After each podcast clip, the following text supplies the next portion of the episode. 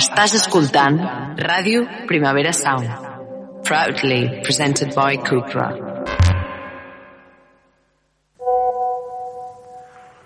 Sí, és veritat que en el seu moment ho vaig dir només i únicament per salvar el moment, perquè us va pillar un atac de riure que ja no sabia, o sigui, jo pensava que ja que perdia el rumi, per això vaig agafar el timó, però, però no sé. La Clàudia Rius, la Paula Carreras, la Rita Roig i l'Ofèlia Carbonell són gent de merda. I tu també.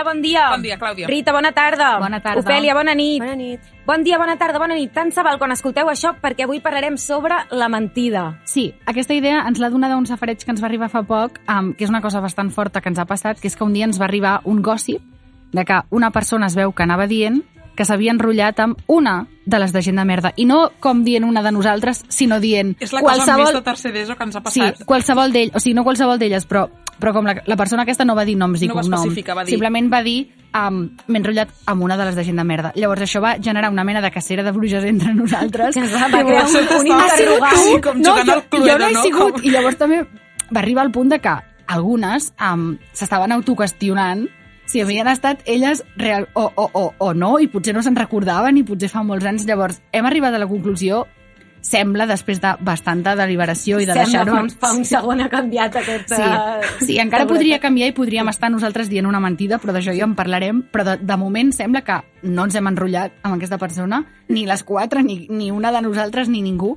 I per tant, simplement, el que va dir el Hambo, perquè és un Hambo, últim cop que diré la paraula Hambo eh, en, a Gent de Merda, però el que va dir aquest tio era una mentida com una casa, i ja està. O sigui, simplement s'ho va inventar. Llavors avui farem un programa sobre mentir, que en realitat és una cosa que es pot fer de moltes maneres, hi ha molt tipus de mentides, hi ha mentides pi- pi- piadoses, mentides que, que són per sortir del pas, i llavors hi ha aquestes mentides que són realment invencions, són invents, que són... Creieu que ell ho creia, de veritat? Potser s'ha confós i ja s'ha pensat que ah, jo em vaig enrotllar amb aquesta tia i, Jo tinc i una cara és bastant una altra... estàndard, a mi molta gent em confon. No és veritat, tu no tens una cara estàndard. Sí, és veritat, soc mm, cabells arrissats i ulleres. Vull dir que realment hi ha moltes ties així. Potser s'ha liat amb les golfes o alguna així. I ens Amb una podcast. S'ha equivocat de podcast, no sé. Molt bé, doncs amb aquest dubte amb que genera la mentida, comencem. Comencem el programa.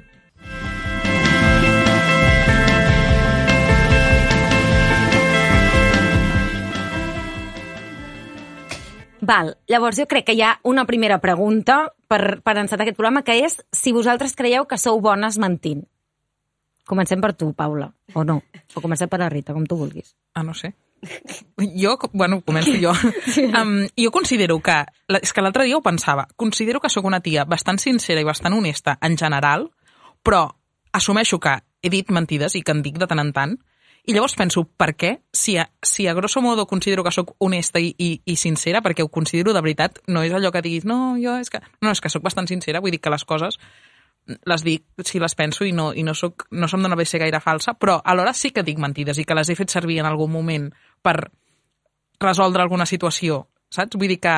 I crec que no se'm dona bé mentir. Per això, soc, per això acostumo a ser honesta i ser... O sigui, jo em poso molt nerviosa quan dic mentides, perquè perquè penso que es nota. Si, si dius una mentida, la gent ho detecta. I alhora crec que sóc bastant llibre obert en general, que, que se'm llegeix molt tota la cara, i penso que si jo ara et menteixo, si jo ara tu et menteixo, Clàudia, tu sabràs que t'estic mentint, és que, és que n'estic convençuda.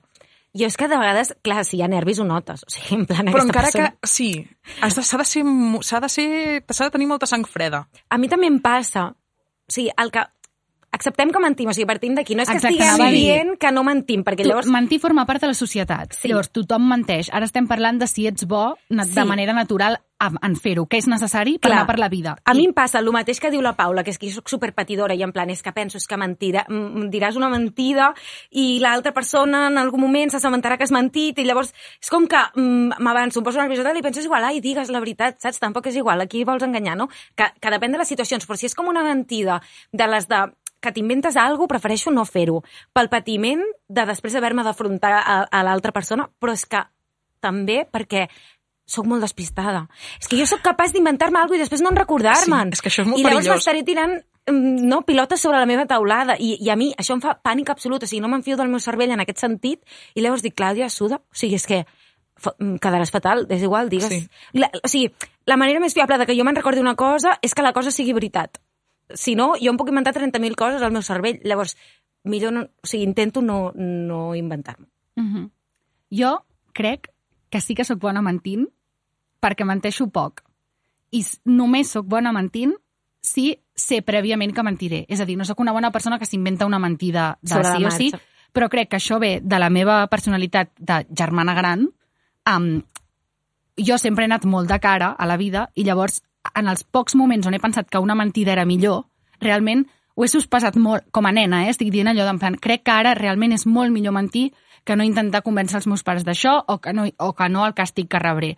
Llavors, com a persona responsable, calculadora i tal, hi ha moments on he dit una mentida i llavors gairebé és com que l'he dit tranquil·la, perquè era com, sé racionalment que és el millor resultat de tots possibles dir aquesta mentida. Ja. Llavors, en aquests casos sí que menteixo bé. No menteixo gens bé quan algú em diu sí, això t'ho inventes tal, ara aquesta persona això no li podem dir, com en aquests moments sí que ho passo malament, si és una mentida improvisada no la sé dir. I llavors amb això que tu deies de la memòria, no d'haver-te d'en recordar de totes les mentides que, que has dit, jo tinc bastant de memòria, però és que el meu problema amb la mentida és que jo faig una altra cosa, que és que jo per mentir bé he de, he de creure amb el que dic.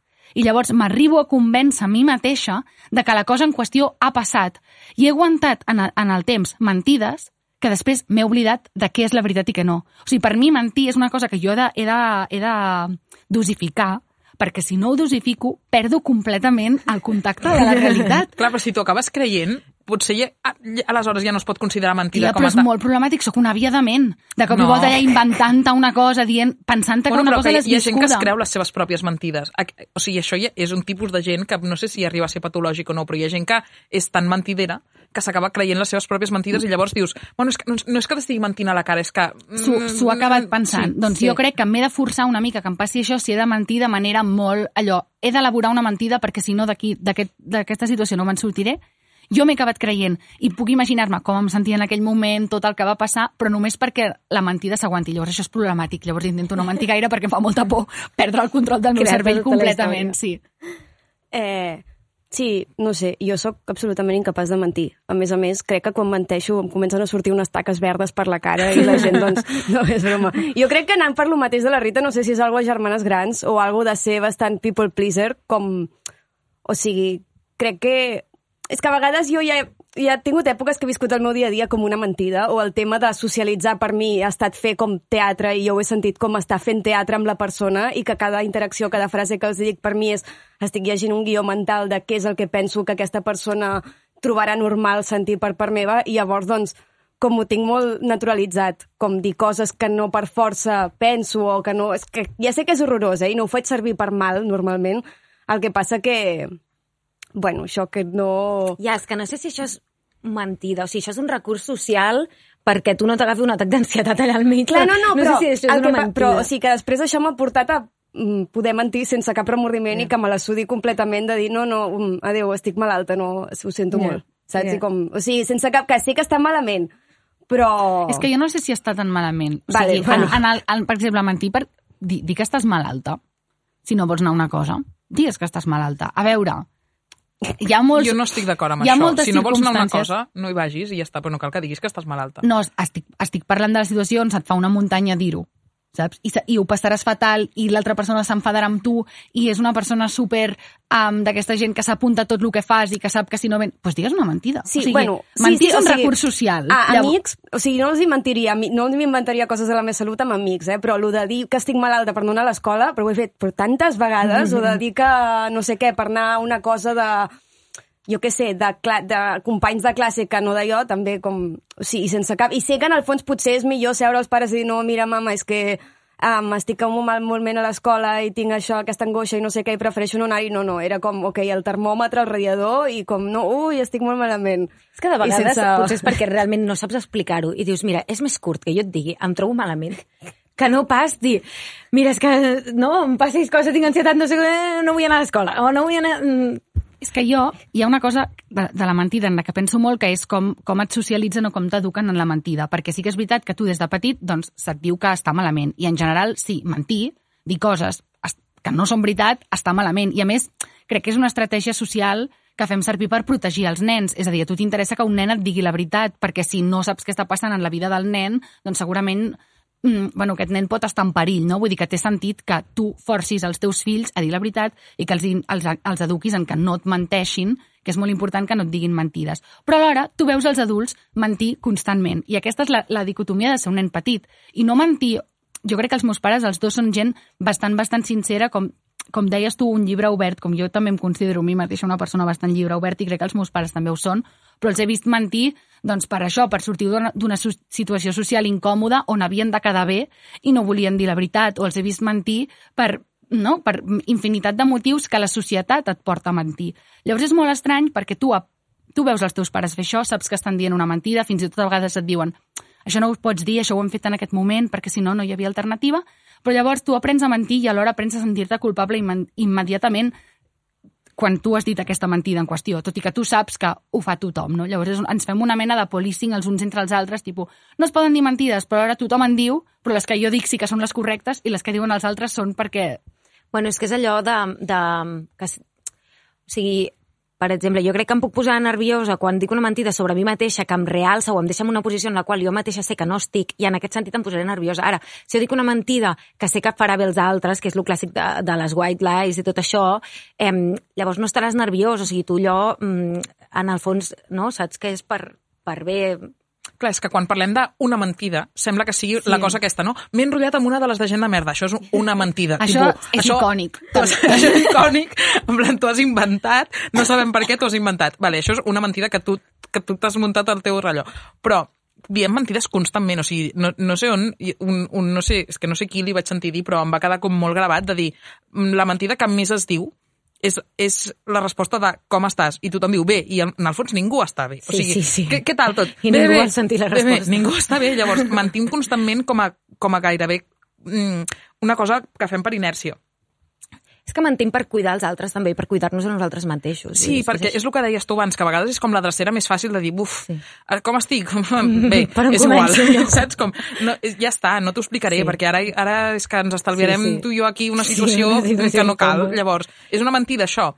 Sí, eh, mm, és una mentida igual que m'he enrotllat amb, unes de la, amb una de les de gent de merda? No, perquè la intenció és molt diferent, saps? Llavors, hi ha mentides i mentides, i tots mentim. És que I tothom a mi també menteix. m'in- No... m'interessen les mentides que no són racionals. O sigui, per exemple, um, la mentida de quan ens agrada algú, no? Hi ha, hi ha aquesta cançó de Mishima, de Menteix la, la primavera, que, um, que bàsicament explica com tu, um, quan estàs enamorat, no? doncs um, veus a unes persones amb unes condicions com de sobte com són més guapos o més tal o més pasqual i li, li veus totes les meravelles i tot lo positiu, no?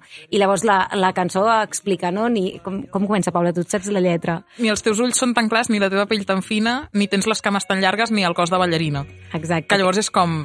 És, aquesta és que ara sentim de sí. fons. I llavors, i el, i el Mishima o el David Caravent el que diuen és eh, no menteixo jo, menteix la primavera, o sigui, menteix el nostre amor, no? I llavors, a mi això és una cosa que em fa moltíssima por, no poder-me enfiar de les meves percepcions. I si les nostres percepcions ens estan mentint, i si quan estem enamorats veiem el món diferent, eh, que no és el món de veritat. Però, clar, alhora no existeix un món de veritat. O sigui, com, Clar, és que perquè t'anava a dir, és que sempre ens menteixen les Clar, percepcions, I a llavors. més sempre. és una, una mena d'autoengany també, perquè això no només passa amb l'amor, que sí que és veritat que molts cops es parla de, de no, la, la, les hormones de l'amor que um, fan que tu no puguis jutjar la persona de manera racional com ho faries, però tu també perdones o obvies coses dels teus amics només perquè els estimes, no? Vull dir que Mm. alterem una mica les nostres percepcions i fins i tot ens estem autoenganyant. Ho ha fet sense voler o en realitat no m'ha fet sentir tan sí, malament. que això és el típic, que quan tens una parella que a ningú del teu entorn li agrada i tu dius, és que no m'enteneu cap de vosaltres, no? Estic anant jo en contradirecció de tothom i, i a mi sí que m'encanta perquè no ho sabeu, perquè és que, no, és que tu vas drogat d'amor i, i allò t'està emboirant mm. literalment al cap. Però és que passa al revés també amb la ràbia, amb sentiments de, mm. no, és que aquesta feina és una merda, és que no m'agrada gens, mm. és que no sé què, i és com un moment, aquesta feina té coses boníssimes, no les estàs veient senzillament perquè tu estàs creuat. O sigui, que això passa sempre, llavors, mentides ens en generem sempre. Alhora jo, sí, jo estic una mica a favor també de generar-me... auto- O sigui, jo crec que hi ha un punt d'autoengany que dignifica. O sigui, el fake it till you make it, a mi és una filosofia que m'agrada, perquè penso que et pot donar poder. Saps? Podríem fer samarretes, tipus l'autoengany dignifica les samarretes més tristes de la història. Una- Nenes, autoenganyeu-vos, que la vida ja és prou dura. Però és veritat, tens una raó. mica de tant en tant, o sigui, aviam, si vius autoenganyada amb tot, acabaràs boja, Estàs no? al terreny cucumbençuda, Sí. estàs al terreny dilu... Això ja, ja vam Però fer hi ha un un programa. punt que penso, bueno, doncs escolta, mm, al final és, és actitud. Vull dir que hi ha un punt que, que tenir una actitud concreta davant la vida també pot ser una automentida que tu t'imposes i que dius, bueno, doncs jo ara em, em penso que sóc la puta hòstia, doncs, eh, pues, eh l'autoengany digni- dignifica en aquest cas, saps? Clar, és que a mi em fa una por extrema com que en aquest dubte entre la realitat i la mentida, o entre acabem no sabem qui són, saps? Com que cadascú de nosaltres, com la Rita quan diu que quan diu mentides al final no acaba sabent distingir això, doncs al final, no, tu, tu qui ets de tot allò que has construït, saps? O sigui, em, què és veritat, què és mentida, o, o, o a mi em passa molt que, per exemple, a mi em passa molt que molts cops no em sé definir a mi mateixa, en el sentit de, per exemple, una cosa que jo, que jo sempre dic, que és que jo no sóc una persona sociable. I jo realment sento que no sóc una persona sociable. I al meu entorn la gent em diu, Clàudia, si ets super sociable. Jo penso, estic mentint? No, no és veritat, és que no ho sóc, però jo què sé, doncs, per X coses ho sembla des de fora. No? Però mm, hi ha aquestes percepcions que a mi em fa dubtar molt. Eh, eh. Yeah.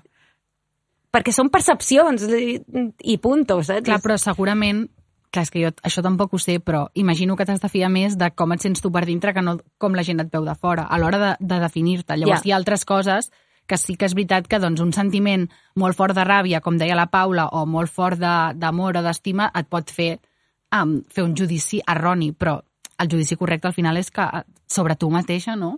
Clar, és que en realitat al final, si no, això de la veritat i la mentira, eh, ara ja anem com a un terreny molt filosòfic, però no hi ha manera de saber si una cosa que per tu és veritat, i llavors com que per tu la sents veritat, per tant és veritat, per una altra persona Clar, és serà la- mentida. És la, perquè- és la puta postveritat, que és un embolic de pebrots. És en Clar. plan, pot, poden haver-hi veritats i punt, saps? Am- I no resultar que les veritats són mentides. O sigui, en quin, en què és molt difícil viure en Sí, aquest món així. de petita m'obsessionava a mi el fet que, o sigui, clar, les paraules estan inventades per definir coses, no? Però jo mai sabré si el, el que jo dic color blau per tu és el veus igual que jo i una altra persona ho veu de, igual que jo. La paraula és la mateixa i hem decidit tots que aquesta cosa és de color blau, però jo no sé si la veiem igual. I, de fet, crec que ho vaig veure en un TikTok que es veu que a l'antiga Grècia o no sé quins textos que no, no tenien la paraula blava i anaven per allà dient el mar és de color, de color vi o el, el cel és de color metall, no sé què, no sé quantos. I em feia pensar això, que, o sigui, posem etiquetes això, veritat, mentida, no sé què, però en el fons és tan difícil sortir de nosaltres mateixos.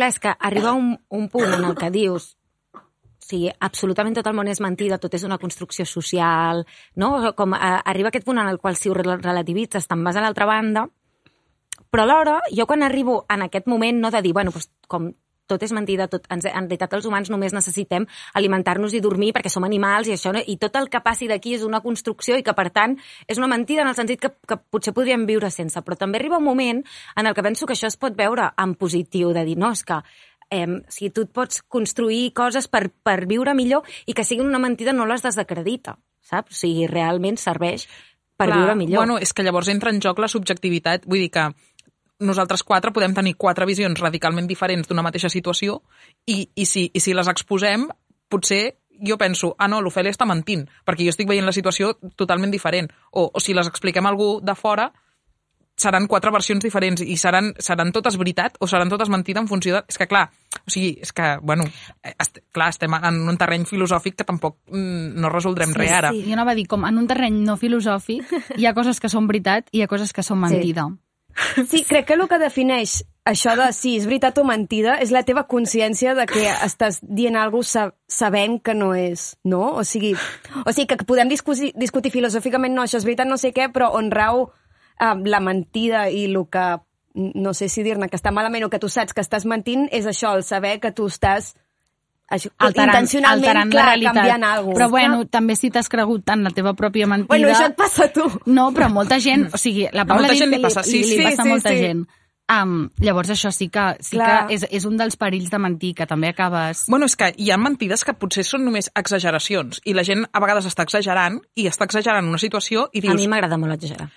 i on està el límit entre exagerar i mentir? Perquè, clar, mm, Jo crec que exagerar, jo això ho tinc molt clar, exagerar és un recurs teatral. Sí, és que és el salseo. és Llavors, una mica... tu, tu tens dret a exagerar. L'altra persona té l'obligació de creure's que tu estàs exagerant i no comprar-te la teva exageració. Clar, però jo, per, jo per Llavors, exemple, clar, jo, jo ja sé tu- que hi ha gent que jo conec que exagera sempre molt. I llavors penso, això ho rebaixes, li fots aigua al vi i ho rebaixes a menys 4, perquè és que si no, no... O Clar. sigui, Sí, com de no és... és, és obligació de l'espectador, perquè Sí, el que no pots... és Jo, tu de has de l'espectador. pretendre... No, però llavors no pots, no pots conèixer tothom tant com no, per no, saber tu has fins a quin punt... No, tu has de pre- has d'anar predisposat a que la gent del teu voltant serà llesta i entendrà que tu estàs fent performance. Jo, si estic al plan de la performance, tu m'ho veus als ulls. Sí, sí, em jo brillen també, els jo ulls. Pla de la performance. Estem, per, si, estem jo, performant. sí, perquè et coneixem, però i si, si algú no et coneix, també ho ha de, ho ha de percebre. És bueno, que, pues que ho intenti. O sigui, o, o si no, llavors no vagis dient les coses que jo vaig dient. Crec que, crec que crec que molt, molts cotilleos, molt, moltes mm, minimentides d'aquestes que es van passant venen de l'exageració d'algú que estava simplement exagerant una mica, l'altra persona ha comprat aquesta exageració i a més li ha posat de la seva part i de cop i volta tens la trola més gran que no saps d'on t'ha vingut. M'he liat que... amb les agendes meves. Sí. amb totes. jo és que crec que, o sigui, jo estic bastant a favor de posar més pa que formatge a les coses quan realment, saps, quan expliques una anècdota a unes amigues, estàs allà que tu estàs living, saps? O sigui, com realment moment de fer riure a tothom o d'exagerar molt. Jo en aquests moments, sí, a favor. Ara, és veritat que de vegades, quan expliques depèn de quina cosa, t'has de contenir, perquè Clar, sobretot clar. si és un si és, si és alguna cosa que és xafardeig i que tu saps que allò anirà passant, ojo, perquè la bola s'anirà fent grossa, vigila el que dius, perquè... Sí, exacte. Sempre està bé quan saps que l'anècdota en qüestió està disposada a ser sí. exagerada. És a dir, la veritat està al servei de l'exageració aquesta i, per tant, és completament secundària. Quan és teatre. Tu... Sí, una bona història, Sí. no? Això... Per una bona història val la pena exagerar, o sigui, és Sí, que això és sí. així. La cançó Aquí Entusiasmats som- de Manel Exacte. diu "Ac- aquí som fans d'una bona... No, aquí Aquí volem, volem- una bona història abans que la veritat. I això és Exacte, així, sí. Sí, sí. a no ser que t'estiguis passant un Sí, muntó. sí. Hem posat aquesta frase de, de Però foto bueno. d'Instagram. Ah, sí? No, però me la podria haver la, posat. la, podem, la podem posar. Jo una altra cosa que, que volia parlar és, és la, la cara contrària de la mentida, que és la honestedat, que de la mateixa manera com que hem criminalitzat la mentida moltíssim, la, la honestedat també molts cops s'ha... s'ha- Bueno, l'hem idealitzada i en realitat molts cops és una excusa per les persones manipuladores um, per, per ser simplement cruels i, i, o simplement algú que, que té ràbia en aquell moment, deixar-la anar en nom de la veritat i ser exageradament cruel. Llavors sí que és veritat que la sinceritat és una cosa que es pot apreciar i que es pot valorar, però de la mateixa manera que com de gran he hagut d'anar fent aquesta mena de defensa de la mentida a mesura que creixia, sempre en aquest sentit de, ostres, mentir és necessari per viure en, en societat, no sempre la honestedat és la millor solució i he començat a poder assenyalar a la vida aquelles persones que feien servir la veritat per fer mal i deien coses que eren veritat i mai la veritat estava justificada, no? Per, Ja. Mai era excusa que fos veritat el que estaven dient per, per haver-ho de dir. És que, o sigui, en realitat és, és com... No cal que em diguis ni la veritat... O sigui, o sigui, sí que cal que em diguis la veritat, però vull dir, en realitat, tot el que demanem als altres no és ni veritat ni mentida, és empatia. O sigui, és, digue'm el que m'hagis de dir, però digue'm la mida justa com per no fer-me mal. Bueno, és que això, mira, l'altre dia em va passar una cosa, que és que una amiga meva ho ha deixat amb el seu nòvio, ¿vale? I llavors, jo, ella va bloquejar el seu nòvio de totes les xarxes socials i jo, com que és un nòvio que jo coneixia, doncs jo el tinc a les xarxes socials. I jo vaig veure que aquest tio um, penjava fotos amb una altra tia, amb molt poc temps de diferència, massa poc temps de diferència. I, mm, i vaig pensar, què faig? Li dic o no li dic? Perquè l'ha bloquejat i si l'ha bloquejat serà que no vol No veure saber. res d'ell i que no vol saber res d'ell, no? Què faig? Li dic o no li dic? Li dic o no li dic? I llavors vaig pensar, bueno, li vaig dir, una cosa, si mai veig res, vols que t'ho digui? Perquè jo el segueixo seguint i segueix penjant coses, vull dir que m'anirà sortint, vol saber, i em va dir, no vull saber res. I vaig pensar, vale, llavors, mm, ella no sap ara ja ho sap, que, que, vull dir que ja li ha arribat per altres bandes, però és igual, però vull dir que, que vaig pensar, pues, si no ho vols saber, llavors jo no l'estaré mentint. Senzillament estaré com respectant la cosa aquesta de vull la veritat però fins aquí, hi ha uns límits. Llavors, no dir-li que jo he vist el seu nòvio, el seu ex, amb una altra tia a Instagram, penso, hòstia, a mi m'agradaria saber-ho si alguna amiga meva veu el meu ex al cap de dues setmanes de deixar-ho amb una altra tia. M'agradaria saber-ho a mi, però amb ella no. Llavors, mm, L'empatia que deia la Clàudia és precisament això, respectar els desitjos dels altres i tu t'ho callaries, l'altra persona ho vol saber, doncs, noia, li has de dir, ho has de fer per la teva Exacte. amiga, o al revés, no? Tu, Sí. tu voldries saber 100% i l'altra persona ha dit que, que ni de conya, que no vol entelar-se de res del que li passi? Doncs llavors, mm, respecte-ho i ja està. respecte-ho respecte i ja està. És veritat, jo no ho havia pensat mai així, lo de l'empatia. Sí, és que hi ha gent Home. que... No heu sentit mai aquesta gent que et diu jo és que dic les coses tal com raja, jo és que sóc molt de cara, no sé què, i el que fa és insultar-te, i insultar com constant, saps? Sí. O sigui, hi ha, un, hi ha un tipus de gent que, o potser ja no està tan de moda, però jo recordo que hi havia una època que hi havia molta gent que com fardava d'això, no? Dic, jo és que ho dic tot a la cara, no sé què, llavors el que feia molts cops era com formes de microbullying rares sent que no els hi havies preguntat mai, no? En plan, escolta, però tu, tu, tu ets molt petita, no? Vas tenir algun problema? I aquestes ulleres que té, saps? És com, perdona, és que jo dic les coses, eh? No sé què, i és com, això l'empatia, que és una calla. cosa és... Ja, doncs perdona, doncs ets un maleducat. Sí, clar, És que- clar. Una cosa és això, és, és que quan, quan algú et pregunti o et demani o quan creguin que t'han de dir alguna cosa, sigui honest i l'altra cosa és aprofitar amb aquest, aquest valor de la honestedat i de ser valent i no sé què per tenir via lliure per, per Ja. ser cruel, que Sí. deies abans. És que a mi això... Jo vaig demanar un àudio a la meva amiga Mar Vallverdú, que és una defensora aferrissada de la, de la mentida. Me'l va enviar i després em va prohibir utilitzar-lo perquè va dir que la farien fora de la feina i que no...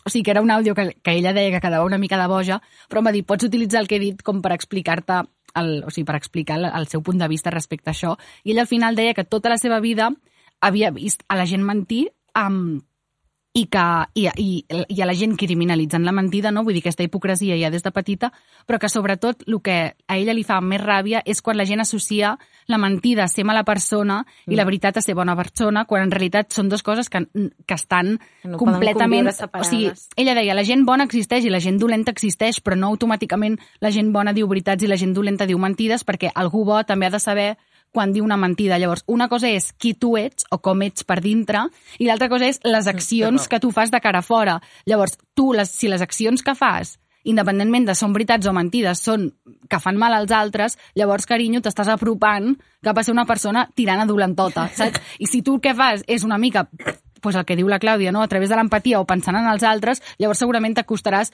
a ser una millor persona. Tot aquí dintre de que societat cristiana, um, que, no, que el bé i el mal pues, potser els tenim lligats a idees que no han de ser, però clarament l'associació aquesta superràpida de que dir la veritat és automàticament millor i que a més a més et fa tu com un rat, no? Quan, quan sé... Què, què vol dir un rat? A mi un rat em sembla una paraula de la edat mitjana, no? Tenc com l'honor medieval aquest estrany Sí. de d'haver d'anar davant del senyor feudal i dir-li no sé què, com, què vol dir un rat? Calla tu o digues una mentideta i surt del pas, que no n'hi ha per tant. No? Jo volia parlar en nom de la Mar per, per explicar això. El, el seu àudio feia molta gràcia, després us l'ensenyo, Vale. però està batat. Jo crec que tothom, en el fons, és capaç de calibrar dins del seu cap si aquella mentida es pot dir o no es pot dir. O sigui, si aquella mentida farà mal o no farà mal. Si és una mentida inofensiva, que és per sortir del pas, rotllo, uf, és que no em trobo gaire bé, prefereixo no sortir de festa. Adéu. Et pots equivocar, però hi ha poques excepcions. Exacte. O sigui, jo crec que això no fa mal a ningú. P- Pot fer ràbia de dir, joder, me l'ha colat, perquè ja sé que es troba perfecte, li fa pal. Bueno, és un no mal relatiu. No, m'ho ha volgut dir. No No Sigues tu també una mica, no? De... Clar. M'has mentit. Bueno, no.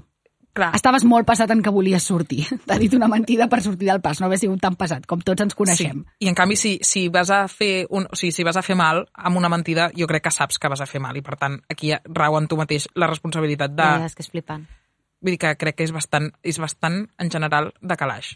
Una altra cosa molt forta de la mentida és l'estereotip que hi ha de les, les dones i les mentideres, i això, quan, quan estava preparant el programa, vaig pensar molt en un article que va publicar la Marta Roquet al Temps, que es diu Presumpció d'innocència, la que us penja del camal. Em Sí, els millors titulars, els de la Marta Roqueta. O sigui, ella es, va, ella es va llevar i va dir, anem a servir, no? Com no quedaran molles, i va dir, aquest titular posarem.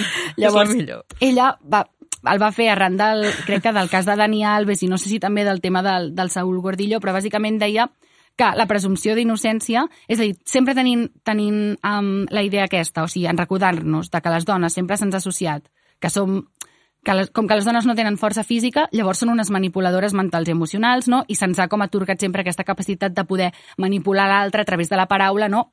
Um, fer molts safareig ràpidament se'ns acusa de mentideres i llavors ella deia la presumpció d'innocència no és només la presumpció de que l'home no ha comès un agressor, una agressió, sinó que és l'assumpció de que la dona um, és una mentidera. No? La presumpció d'innocència, si tu estàs dient aquest home necessita presumpció d'innocència, d'alguna manera també estàs dient, bueno, és que clarament l'altra tia s'ho ha inventat. Llavors, si la presumpció d'innocència s'apliqués correctament i la féssim saber com toca, ella diu, llavors també s'hauria de creure que la víctima és innocent, És perquè per mentir totes davant la llei és un crim.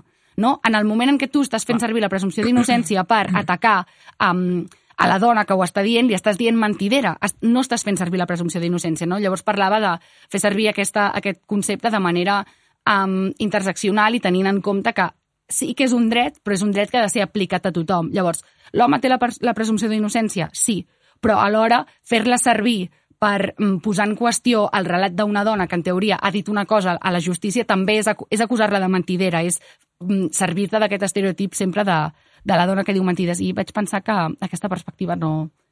És que és molt llesta la Roqueta. Sí, no la, o sigui, no l'havia sentida mai. Vull dir que evidentment em feia ràbia veure la gent que, que saltava i que cridava presumpció d'innocència a la mínima que... que Tio, però, però perquè a més tens més responsabilitat per no mentir a sobre com a dona. Perquè si et menteixes, fas cada malament a totes les dones del teu darrere que han dit la veritat. És una pressió que això les dones acostumem a sentir. O sigui, quan tu arribes a X lloc, si ho fas malament, eh, no, doncs ja no ets un bon exemple per totes les dones que no aconseguiran mai o que sí que aconseguiran mai arribar a aquell lloc. Llavors és com que, no, si tu um, en algun moment dius una mentida i es demostra que és mentida, no només et fots a tu mateixa, sinó que um, has de patir per si fas gran l'estereotip de la dona que menteix, saps? Llavors és com que no som responsables només de nosaltres mateixos, de, ma- de nosaltres mateixes quan fem coses malament. I això és molt fort. Sí, sí, i segurament per això també moltes dones no s'atreveixen a, a, a denunciar o, o a explicar depèn de quines coses perquè tenen por de que hi hagi un buit en el seu discurs, com passa quan vius experiències traumàtiques o no tan traumàtiques, tipus això del tio aquest que diu que s'ha enrotllat amb nosaltres no és gens traumàtic, és graciós i ja està, però clarament no les tenim totes i potser d'aquí un temps se'n desmenteix i hem de venir aquí a fer una fe de rates i dir nom i cognom de la noia i nom i cognom... Vull dir, com, això, això podria passar, um, però en el, en el sentit més d'un judici, quan et poses realment a parlar de, de, de que tu estàs acusant a un home de- d'haver-te agredit, um, tenir un buit en el discurs o tenir por de que el, els fets no quadrin i ser acusada de mentidera és que segur que t'ha d'impactar sí. I t'ha d'afectar com expliques això. A més a més, o sigui que ho tens com tot en contra entre cometes. Vull dir, sento que lo de la presumpció d'innocència de la víctima com a no mentidera um, està total, tota l'estona en qüestió, més que ara que es parla tant de la cultura en cancel·lació, no sé què, perquè si tu mires els comentaris de qualsevol notícia, si la noia accepta la compensació econòmica, ja està, ho feia pels diners.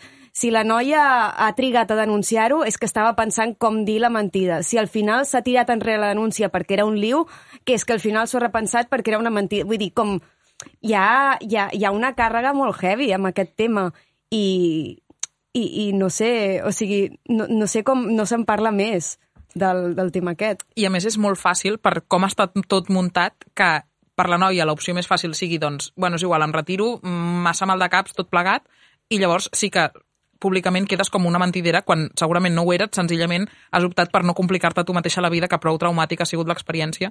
A més a més, és que arriba a ser una cosa tan forta que és el que deies, que a vegades potser no es denuncia per por a tenir un buit o perquè t'acabes pensant i, ostres, i sí, jo sóc una exagerada i això que jo he percebut Sí. com una agressió, en realitat és una mentida que em dic a mi mateixa perquè en realitat potser no hi hauria per tant, perquè si no aquest home no ho hagués fet i potser jo estic no sé què. I entres en un bucle bastant de Sí, trist. i a més que hi ha homes que tenen com molta força i molta patxorra en aquest sentit de dir no, no, però mira les imatges, sí, això, mm, clarament, aquestes imatges indiquen que jo no estic fent res dolent. I, i segurament, bueno, no ho sé, és que, és igual, tampoc em vull fotre en un... No, no, sí, Deix, sí. Deixeu-me... Vale. mm, O sigui, és un tema inacabable, eh? i a més Sí. de la mentida en molts àmbits i en aquest més. Però deixeu-me passar la Filomena, que tinc moltes ganes de recomanar-vos dos llibres. Remena, Filomena. Val, avui recomano jo la recomanació de la Filomena, llavors, com que com us he dit abans, o sigui, jo sóc una tia, demà el programa de les idees va quedar clar, jo tinc unes bases, tal, intento argumentar tal, en el terreny de la racionalitat m'hi sento còmode, en el terreny de la irracionalitat eh, dubto perquè no sé què és veritat i què és mentida de les meves percepcions, del que jo veig, del que jo sento, llavors és com que quan em passa alguna trigo molt a analitzar què em passa, si és veritat, si no... Eh, eh, bueno, com que tot, tot aquest terreny mm, trigo, trigo el meu. A mi em passa justament el contrari. A mi em passa això. Llavors, clar, arriba, eh, no? de vegades quan arribes, i més en el que dèiem abans de la postveritat, de dir, doncs, què passa, que absolutament ningú té la veritat, ningú té la mentida, perquè tot depèn de percepcions, i les percepcions són un terreny superenganyós, i llavors no sé què. Però llavors arriba un moment en el qual eh, llegeixo coses com dos llibres que volia recomanar. En realitat, avui en volia recomanar només un, però sempre que... O sigui, és com un llibre que em fa pam-pam amb un altre. Llavors, um, volia recomanar Els anys, de l'Annie Ernaux, que és um, aquesta autora um, francesa que, que en aquest llibre bàsicament explica doncs, la seva vida o sigui, és, és, com, és una auto, autobiografia en el qual explica la, la seva vida i alhora, mentre va repassant tot, tota la seva vida, en realitat està fent com la història de tota una generació i, per tant, la història de tot un país en tot un moment. Llavors, a mi això em flipa perquè en el moment en el que tu pateixes per les percepcions i penses que um, no? Que, que, que, que no val la pena que la gent expliqui el seu punt de vista sobre, el, sobre com percep la història o així, perquè en realitat pues, mm, ho pot haver percebut malament. Llavors llegeixo llibres de gent que explica molt bé i te n'adones que sí que l'experiència pròpia sí que és important i sí que et pot arribar a explicar les coses. Llavors, l'Annie Ernaux és un d'aquests llibres meravellosos que a través de la vida d'una sola persona t'expliquen la història de tot un món i a mi això em, em, és com un moviment que em sembla brutal i, i, i aquesta reafirmació de que les mirades personals sí que són importants i que enriqueixen i llavors lligat amb això doncs em surt de rebot el, un llibre que per mi és un dels meus llibres de capçalera importantíssims, que m'encanta, que, que, que lleg, llegint-lo segurament em, em va canviar la vida, aquestes lectures que dius, uau, que fort, hi ha gent molt bona, que és um, El món d'ahir, de l'Esteban Zweig, que en realitat és, és que com a, com a estil de llibre, com a gènere, eh, ve ser com el de l'Annie Ernaux i són llibres que gaudeixo molt de llegir, perquè són persones que senzillament diuen um, doncs ja he viscut la meva vida i la meva vida és la història, perquè realment tots coincidim en moments històrics, jo, no? Nosaltres, i jo això ho penso molt i tinc molt la sensació de dir, joder, és que hem viscut el, tot el procés independentista, hem viscut tota la, tot el Covid, vull dir, com que realment les persones no estem I no desligades... arribem a 30 anys, és molt Clar, fort. però vull dir que no estem desligades de la història col·lectiva. I llavors hi ha gent que té un puto talent com per tenir aquesta sensibilitat de lligar la seva història personal amb la història de països sencers. I a mi això ho admiro molt a nivell creatiu, a nivell literari, a nivell de pensament, i, i crec que tant aquest llibre dels anys de l'Annie Ernaux com l'Stefan Zweig amb aquest El món d'ahir des d'estils completament diferents. L'Annie Ernaux és com, és com que, és, és com que no, no és tan clàssica, o sigui, ella prova, o sigui, juga més amb la, amb la literatura, amb, amb, el, amb el punt de vista, amb, amb fotografies, amb, amb tot això, em semblen dos llibres apassionants que ens demostren per aquella gent que dubti entre la, la mentida i la veritat, ens demostren que realment en realitat és igual, com no et ratllis, explica el que tu veus i hi haurà gent a qui li servirà i ens permetrà explicar el món i això em sembla molt important. Pues et puc fer una recomanació a tu, o sigui, Sí. de rebot, perquè si t'ha agradat el, el llibre aquest de l'Annie Ernaux, hi ha un documental a Filmin que em sembla que es diu... És que ara no me'n recordo. Bueno, és que no, no me'n recordo com es diu, però és, són imatges d'en, en Super 8, rodades en, en Super 8, mm. en cinta, de, de l'Annie Ernaux, de veritat, que em sembla que les gravava el seu fill i que ho ha muntat tot el seu fill, i, i a- alhora és ella narrant amb una veu en off de la seva pròpia veu la seva vida, un tros de la seva vida. Es diu Los años de Super 8. Sí, sí. Um, preciós. I, sí, i llavors sí, mm, te'l recomano. Crec que t'agradarà. Ho miraré. Tinc pendent el documental de la OCE. Del Perú. Sí, del, de, Sí, del, del, sort. Perú, que no sabem on veure'l encara. Ah, un dels... Bueno, vaig recomanar dues coses aquell dia. Un, un sí que està penjat, a vaig penjar l'enllaç de Vimeo al Vale. tuit de gent de merda. L'altra pel·li, jo te la vaig passar per veure si, no sé, pots fer màgia, des, no sé, des del teu... Quan siguis presidenta de Catalunya, des del teu trono de reina de Catalunya, la pots portar, però... El dia que Sí, recuperi el el meu temps en, vingui, algun, sí. en algun moment. Um, molt bé, doncs aquestes són les meves dues recomanacions per avui. Jo amb aquestes dues recomanacions acabaria el programa i, i llavors, doncs, com sempre, estem oberts a qualsevol tipus de comentari que Depèn. sigui empàtic, com hem dit avui. Gent de merda. Aquestes que sonen són la Rombo. Nosaltres som la Paula Carreras, la Rita Roig, l'Ofèlia Carbonell i la Clàudia Rius i som gent de merda gràcies a l'inestimable ajuda del Rob Roman i el Nacho Medina que fan que tot soni i es vegi bé, la Caral Guinal que ens ha fet aquest logo tan guai i el David Caravent que avui també hem parlat d'ell del programa i la setmana que ve més. Adeu, noies! Adeu. Adeu.